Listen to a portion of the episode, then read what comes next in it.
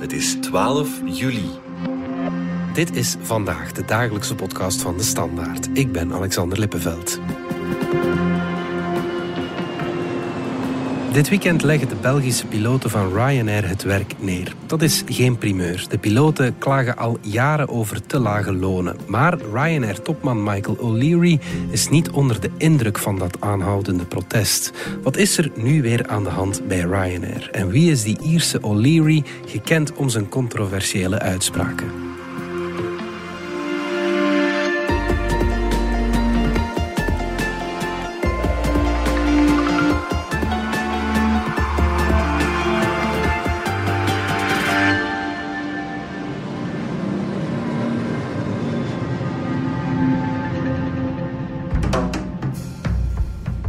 Cornel Welbeke van onze economieredactie. Dit weekend staken de piloten van Ryanair. Vertel eens, uh, wat is er aan de hand? Wel, ja, deze keer is de directe aanleiding eigenlijk dat Ryanair heeft aangekondigd, de directie daarvan heeft aangekondigd dat ze de collectieve arbeidsovereenkomst van de piloten willen veranderen. Mhm. En meer bepaald willen ze eigenlijk de rust- en werktijden, die regeling daarvoor veranderen. En je moet weten, een piloot van Ryanair vliegt vandaag vijf dagen en mag dan vier dagen rusten. Mhm. En de directie heeft aangekondigd, ja, wij willen van die rustdagen, wij willen er maar drie dagen rust geven. Oké, ja. En dat zijn natuurlijk kwaad bloed uh, bij de piloten, die ja, ook een planning uh, zien veranderen. En ja. Ryanair heeft dat gezegd van ja, we willen dat doen vanaf oktober.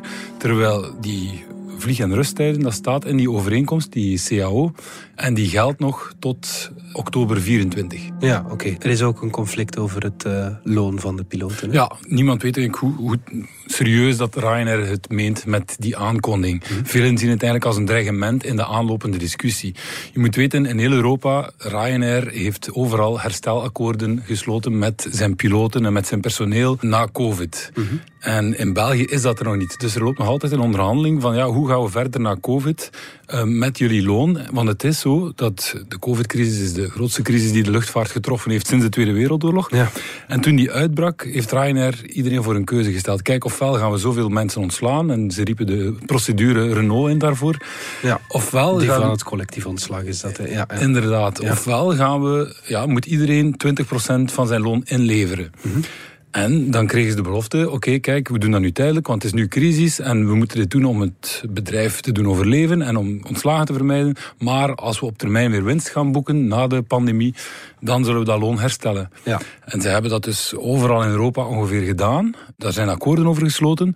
Maar in België is de discussie bemoeilijkt door het feit dat wij hier een automatische index hebben. Ja. En Ryanair heeft nu de lonen van 2019 hersteld, ook bij de Belgische piloten, sinds april. Wat dat eigenlijk vroeger is dan dat Ryanair origineel had voorzien. Mhm. Maar zeggen de piloten, ja maar ja, wij willen ons loon geïndexeerd zien. 100 euro in 2019 was niet wat dat 100 euro vandaag is. Dat is veel minder waard, vooral gezien de hoge inflatie. Dus je zei het al, er zijn heel veel spanningen in ons land tussen Ryanair en zijn personeel. Leeft dat pas sinds die COVID-crisis of is dat al langer Ja, aan de gang? In 2018 is uh, Michael O'Leary, de topman van Ryanair, nog verkozen als uh, tot slechtste CEO van de wereld. En dus hij, hij heeft een reputatie dat hij heel veel conflict heeft met zijn personeel. Het is ook zo dat er eh, bij Ryanair al heel lang een cultuur is waar dat piloten heel erg, niet alleen piloten, voor cabinepersoneel is het vaak nog erger, maar dat je moet echt strijden voor ieder recht. Voor alles wat je aanvraagt moet je strijden. De uitkeringen zijn te laag, eh, bijvoorbeeld bij tijdelijke werkloosheidssituaties. Er zijn nog heel wat achterstallige uitkeringen die nooit betaald zijn. Daarover lopen ook nog discussies. De piloten zelf spreken over een cultuur van angst. Wie een paar dagen ziek is, krijgt onmiddellijk een brief van... ja, oké, okay, kijk, je bent ziek geweest. Uh, je moet weten, dat uh, laat onze klanten in de steek. Dat laat onze, uw collega's in de steek. Ja. En je moet je altijd gaan verantwoorden daarvoor. Maar als zij iets vragen, is sleuren en trekken. En het is heel moeilijk. Ze vinden het een heel vervelende cultuur eigenlijk. En, en is dat in ons land door onze sterke aanwezigheid van de vakbonden, botst dat, dat daardoor vaker? Of, Hier botst dat uh, harder, ja, ja, Want je moet weten dat sinds 2019 pas erkent Ryanair de Belgische wetgeving, de arbeidswetgeving voor zijn Belgisch personeel. Mhm. Daarvoor argumenteerde Ryanair altijd, kijk, ons personeel valt onder het Iers arbeidsrecht. We zijn allemaal daarin geschreven en of waar ze nu ook werken, wat dat in België of in Bulgarije of in Spanje is, ze vallen onder de Ierse wetgeving die een pak minder strikt is. Mhm. Het Europese Hof heeft daarvan beslist van nee, nee, dat, dat klopt niet. Die mensen die hier te werk gesteld zijn, moeten ook onder die Belgische wetgeving vallen. En dat wil dus ook zeggen dat ze vakbonden en zo hebben moeten herkennen. En dus sindsdien, ja, de situatie is verbeterd voor veel van het cabinepersoneel. Maar het is wel zo dat de strijd constant gevoerd wordt. Er zijn constant spanningen. Ja. En dat is ook vooral omdat Ryanair nog altijd, de directie leidt het bedrijf nog altijd vanuit Ierland, vanuit Dublin. En ook de HR-dienst zit daar nog. En ja, met dat er geen Belgische HR-dienst is, die kent dan ook de finesses van onze wetgeving niet. Hmm. En inderdaad, als er dan inderdaad tijdens uh, corona bijvoorbeeld tijdelijke werkloosheid was, ja, dan kregen ze de uitkeringen niet, dan waren formulieren niet ingevuld. En dat zijn allemaal zaken ja, die de frustraties doen oplopen. O'Leary zegt zelf altijd dat hij de wet niet breekt en als de vakbonden problemen hebben, moeten ze maar naar de rechtbank stappen. Ja, we luisteren even naar een stukje uit een interview dat je eind vorig jaar met uh, O'Leary had. We're a big airline. We fly to 200 airports in 47 different countries. And if some Belgian union wants to mouth off about us breaking the law, go to court. They won't go to court because we haven't broken the law. Dat blijkt nu toch wel een beetje te spannen, want er zijn vorig jaar 48 piloten die naar eh, de rechtbank zijn gestapt om achterstallige toeslagen eh, te eisen. En volgens de vakbonden wil Ryanair nu niets meer tekenen voordat die rechtszaken ja, worden gedropt. Dus eh, hij heeft ze uitgedacht en misschien net iets te veel. Want nu gaan ze naar de rechtbank. En het valt zeer af te wachten. Ik denk dat ze wel gelijk zullen krijgen, de piloten. Ja, oké. Ja, ja, ja. Dat uh, wringt inderdaad vooral omdat Ryanair het wel heel goed doet. Ja, ja, ja. Ryanair is eigenlijk de, echt de grote winnaar die uit de crisis is gestapt. Hè. We herinneren ons allemaal toen dat, uh, de covid-pandemie uitbrak in Europa. Heel wat luchtvaartmaatschappijen, zoals Brussels Airlines, zijn moeten gered worden van het failliet door de staat. Ryanair heeft dat nooit nodig gehad. Die waren toen al heel sterk. Ze hadden 4 miljard euro in cash klaar in een oorlogskas. Mm Dat hebben ze gedaan. Overal moesten eh, luchtvaartmaatschappijen afbouwen. Bijvoorbeeld Alitalia is over de kop gegaan. Mhm. En Ryanair kon op dat moment fors investeren. Hebben extra vliegtuigen juist ingezet. Personeel aan boord gehouden. Ze hadden middelen ervoor. En dus het marktaandeel dat Alitalia verloren is in Italië, hebben zij nu ingepikt.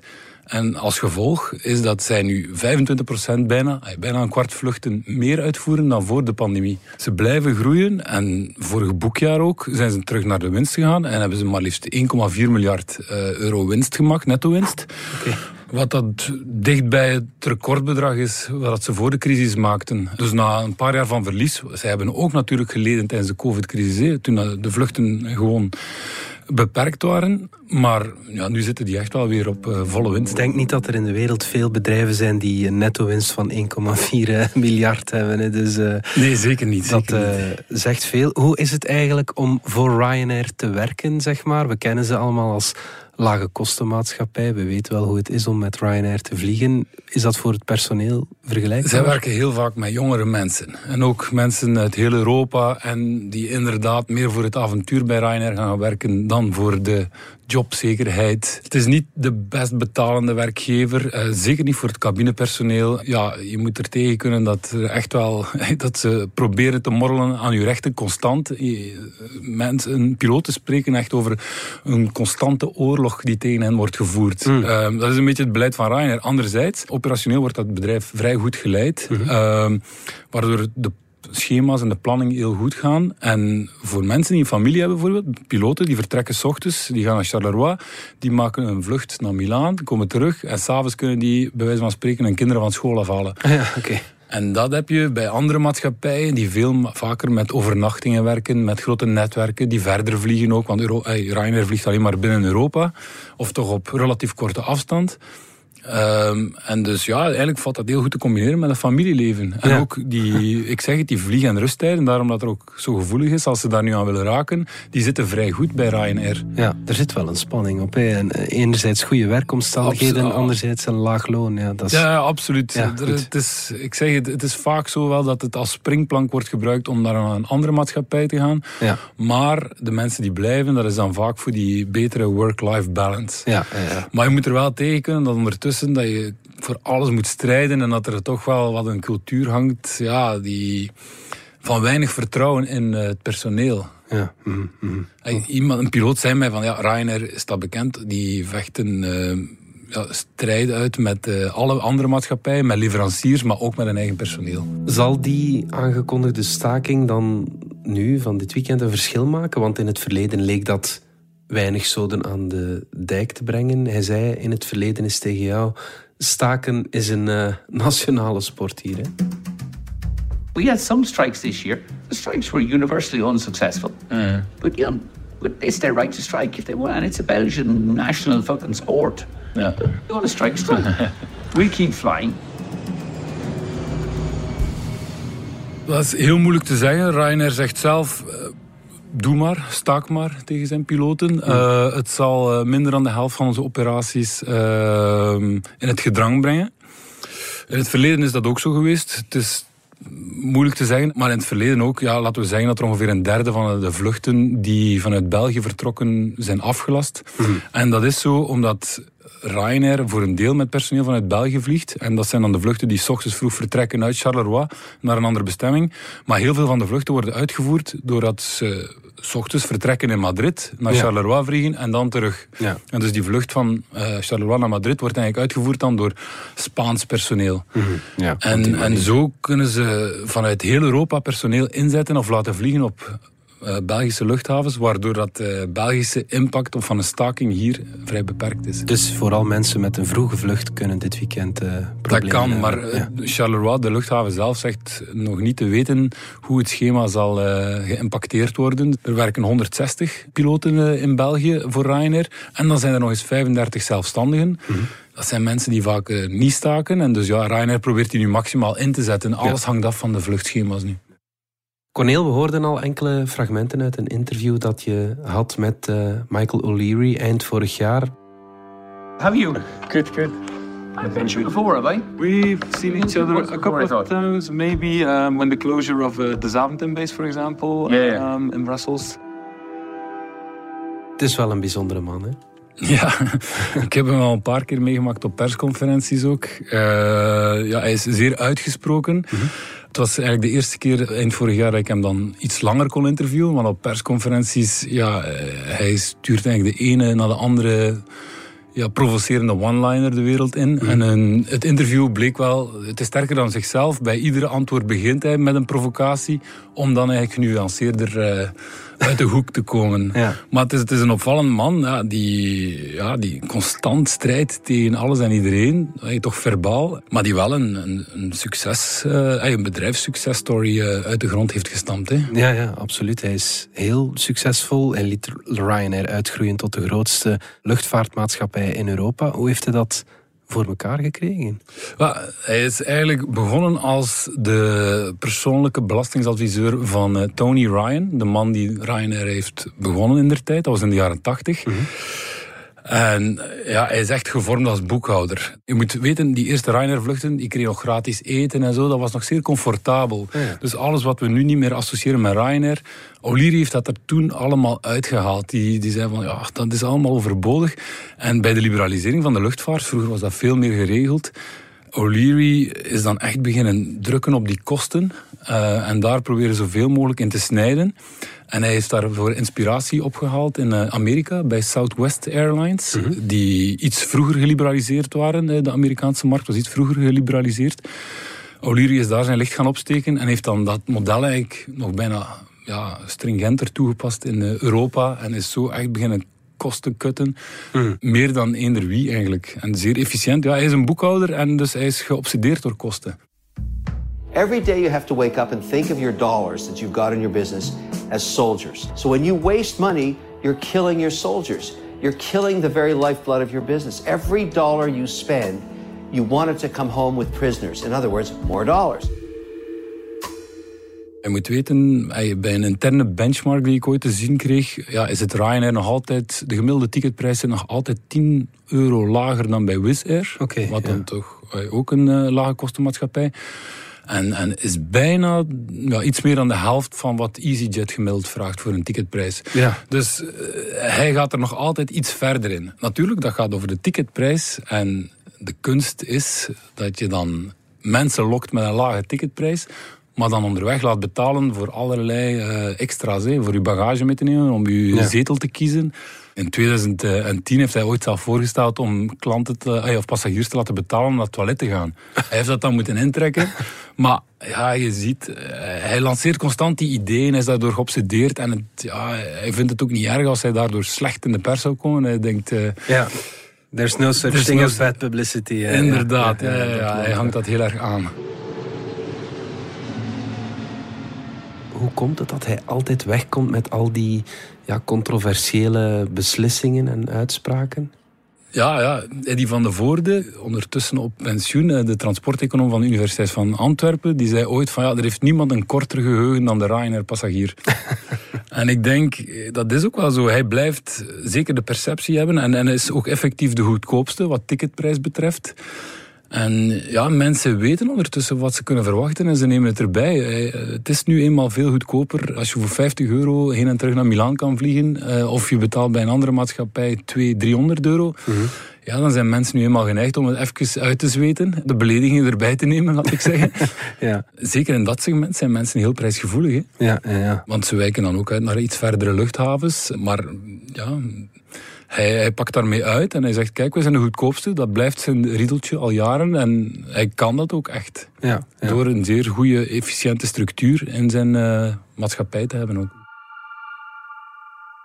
Onze nationale luchthaven, zeg maar, is die van Zaventem. Daar is Ryanair wel moeten wegtrekken... Uh, dit jaar of, of, vorig jaar? ja. Vorig jaar heeft hij inderdaad de basis gesloten. Wat betekent dat? Hij had een paar mensen die daar vast gestationeerd waren. Maar hij heeft een conflict met de luchthaven. Hij wou daar verder groeien. En hij wou daar eigenlijk het monopolie... Of nee, de Brussels Airlines, die toch de grootste is daar... Ehm, en samen met TUI misschien... wou je daar aanvallen. En dat is niet echt gelukt. Omdat de luchthaventaxen... Wat hij betaalt als luchtvaartmaatschappij... om daar te mogen opstijgen... blijven relatief hoog. Mhm. En hij wou die verlagen. Hij vindt dat die lager moeten. En dat is een aanhoudend conflict. Ja, hij probeert altijd zijn wil door te drukken. Op zo'n nationale luchthaven lukt dat niet altijd, maar daarom vliegt hij ook meestal vanuit die secundaire uh, luchthavens. Charleroi is zijn grote basis. Hè. Daar heeft hij heel lage kostenbasis. Ja, daar, daar heeft hij dan eigenlijk ook bijna die luchthaven in zijn zak. Ik denk dat hij ik durf er geen cijfer op plakken, maar toch bijna 80% of zo, of misschien zelfs meer, van alle vluchten daar uitvoert. Hmm. Dus ja, dan heb je dan is het gewoon jouw luchthaven. Dan is het bijna jouw luchthaven, ja, absoluut. dat durft hij ook te gebruiken in de onderhandelingen. Mhm. En ja, die regio's, dat zijn dan inderdaad eh, regio's die daar ook van profiteren. Die zeggen, ja, dat is heel extra werkgelegenheid. We brengen wat toerisme naar hier. En, en die dat ook graag sponsoren. O'Leary is uh, heel optimistisch over de toekomst van Ryanair. People want to go back on holidays. People want to get back to work. Tourism is restarting. Mm-hmm. And I have a renewed sense of optimism that actually the future is bright. And, you know, the future will be full of low fare air travel across Europe. Er kwam de COVID-crisis moeiteloos te boven. Hij lijkt ook niet te stoppen. Wat is zijn ambitie nog uh, met zijn bedrijf? Ja, hij wil de komende uh, vijf jaar nog eens 50 miljoen passagiers extra aantrekken. Mhm. Hij heeft uh, tientallen nieuwe vliegtuigen besteld bij Boeing. Onlangs is dat contract afgeklopt. Dus hij wil echt nog vergroten en mogelijk zelf tot de grootste luchtvaartmaatschappij ter wereld worden. Uh, ik denk dat hij daar nu al in de top drie zit. Hij is, hij is nu al de grootste van Europa. Als mhm. je kijkt naar het aantal passagiers dat uh, vervoerd wordt. Met voorsprong, ik denk uh, iets van 160 miljoen passagiers per jaar ten opzichte van Lufthansa, dat uh, iets meer dan 100 miljoen passagiers per jaar heeft. Mm -hmm. In omzetcijfers is dat natuurlijk nog iets anders, maar ja, het toont wel hoe dominant hij is. Ja, um, ja. En is hij niet bang van bijvoorbeeld het klimaatbeleid van de EU? Daar ja, proberen ze de korte afstandsvluchten ook wat ja, in de band te slaan. Onze eigen regering doet dat ook. Hebben die korte afstandsvluchten waar hij zo op focust wel een toekomst? Ja, hij, hij voetert heel erg tegen dat klimaatbeleid. Anderzijds is het ook genuanceerder dan dat. Hij wil vooral een gelijk speelveld voor iedereen. Mhm. Want je moet weten, die korte afstandsvluchten, we concentreren ons daar heel vaak op. Maar eigenlijk, als je kijkt naar wat er de uitstoot betreft, ja, dan zijn vooral de lange afstandsvluchten de grote boosdoeners. Mhm. Meer dan de helft van de luchtvaartemissies wordt uitgestoten door minder dan 6% van de vluchten. Yes, air travel needs to become more environmentally sustainable. Uh, yes, we need, to, and I, th- you know, we support the fact that I mean, our passengers pay all, all pay higher environmental taxes than any other airline in Europe. Uh, because all of our passengers pay an environmental tax. You know, the long haul, which accounts for 55% of your CO2 emissions, uh, but less than 8% of the traffic is exempt. Transfer traffic is exempt. So we do need to have fair environmental taxation, but I think our passengers are ready for that. What we're not going to have is unfair environmental taxation, or this nonsense that we just levy the shit out of air travel in Europe, and that that will somehow solve yeah. either climate, uh, global climate uh, change or global warming. Dus dat is symbolisch heel belangrijk. En, en dat is ook absurd, om, laten we eerlijk zijn, van Brussel naar Amsterdam vliegen. Dat is een absurditeit. Mhm. Dus ja, eigenlijk de grootste uitstoters van de luchtvaart, die worden ontzien. En, en alles komt bij de kleintjes te liggen. Mhm. Terwijl dat die relatief weinig uitstoten. Natuurlijk, als je per persoon, per passagier kijkt, dan gaat het wel over veel emissies, want die korte vluchten stoten veel uit, daar moeten we eerlijk in zijn. Maar als je naar het globale plaatje kijkt en naar alle absolute emissies van de luchtvaart, ja, dan, dan liggen die veel hoger bij de lange afstandsvluchten, terwijl die wel ontzien worden. Ja. En wat dat O'Leary ook wel gelijk in heeft, is ja, hij heeft de meest efficiënte vloot. Hij investeert heel erg in nieuwe vliegtuigen. En daardoor, als je per passagier bekijkt, dan is Ryanair een van de mindere uitstoters. Hm.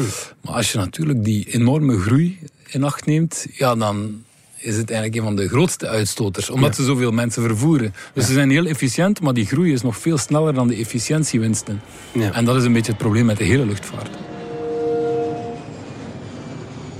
Tot slot, Corneel, hoe moeten we nu kijken naar die Michael O'Leary? Moeten we daar bewondering voor hebben? Of moeten we eerder wantrouwig zijn, zeg maar? Want uh, ik, weet het in alle eerlijkheid niet. Is toch wel echt een, iemand die het kapitalisme in, uh, heel ver doordrijft. Ik moet eerlijk zijn, ik snap ook wel niet als je een bedrijf hebt dat zoveel winst maakt en dat je toch nog altijd je personeel zo kunt behandelen. Ja, dat gaat er bij mij niet helemaal in. Ja. Maar uh, hij is wel heel efficiënt in het runnen van een uh, luchtvaartmaatschappij. Hij doet het veel beter dan anderen, moeten we wel zeggen. Hij heeft ook een enorm inzicht in wat de toekomst brengt. Hij heeft in tegenstelling tot al de rest altijd in crisisperiodes durven investeren. Mm Waardoor dat hij ook altijd maar is blijven groeien. Dus hij is niet bang om te gokken op de toekomst. Dus ja, als, als zakenman is hij zeer geslaagd als mens uh, zou ik liever niet voor hem werken, denk ik. Maar uh, ja, het feit dat er nog altijd heel veel mensen voor hem werken, moet toch zijn dat er ook veel positieve zaken aan zijn. En uh, veel mensen die ik spreek, die werken ook graag voor Ryanair. Mm Dus ehm, het, het, is zeer dubbel. Het is zo wat een Elon Musk-type eigenlijk. Zoiets uh, kan je er al van zeggen. ja. wel, ja. En ook de provocaties ja, zijn hij maakt reclame voor Ryanair uh, op die manier. Hij komt altijd in de pers. Hij kent de industrie wel heel goed. En hij, hij, zegt veel verstandige dingen tussen al die provocaties door ook. Ja, goed, absoluut. Cornel Delbeke, dankjewel. Dank u, graag gedaan. Dit was vandaag de dagelijkse podcast van De Standaard. Bedankt voor het luisteren. Volg ons op Spotify, Apple Podcast of eender welk ander podcastplatform. In onze gratis FDS podcast kan je niet alleen ons werk beluisteren, maar ook de beste podcasttips terugvinden. Alle credits van de podcast die je net hoorde vind je op standaard.be-podcast. Reageren kan via podcast.standaard.be.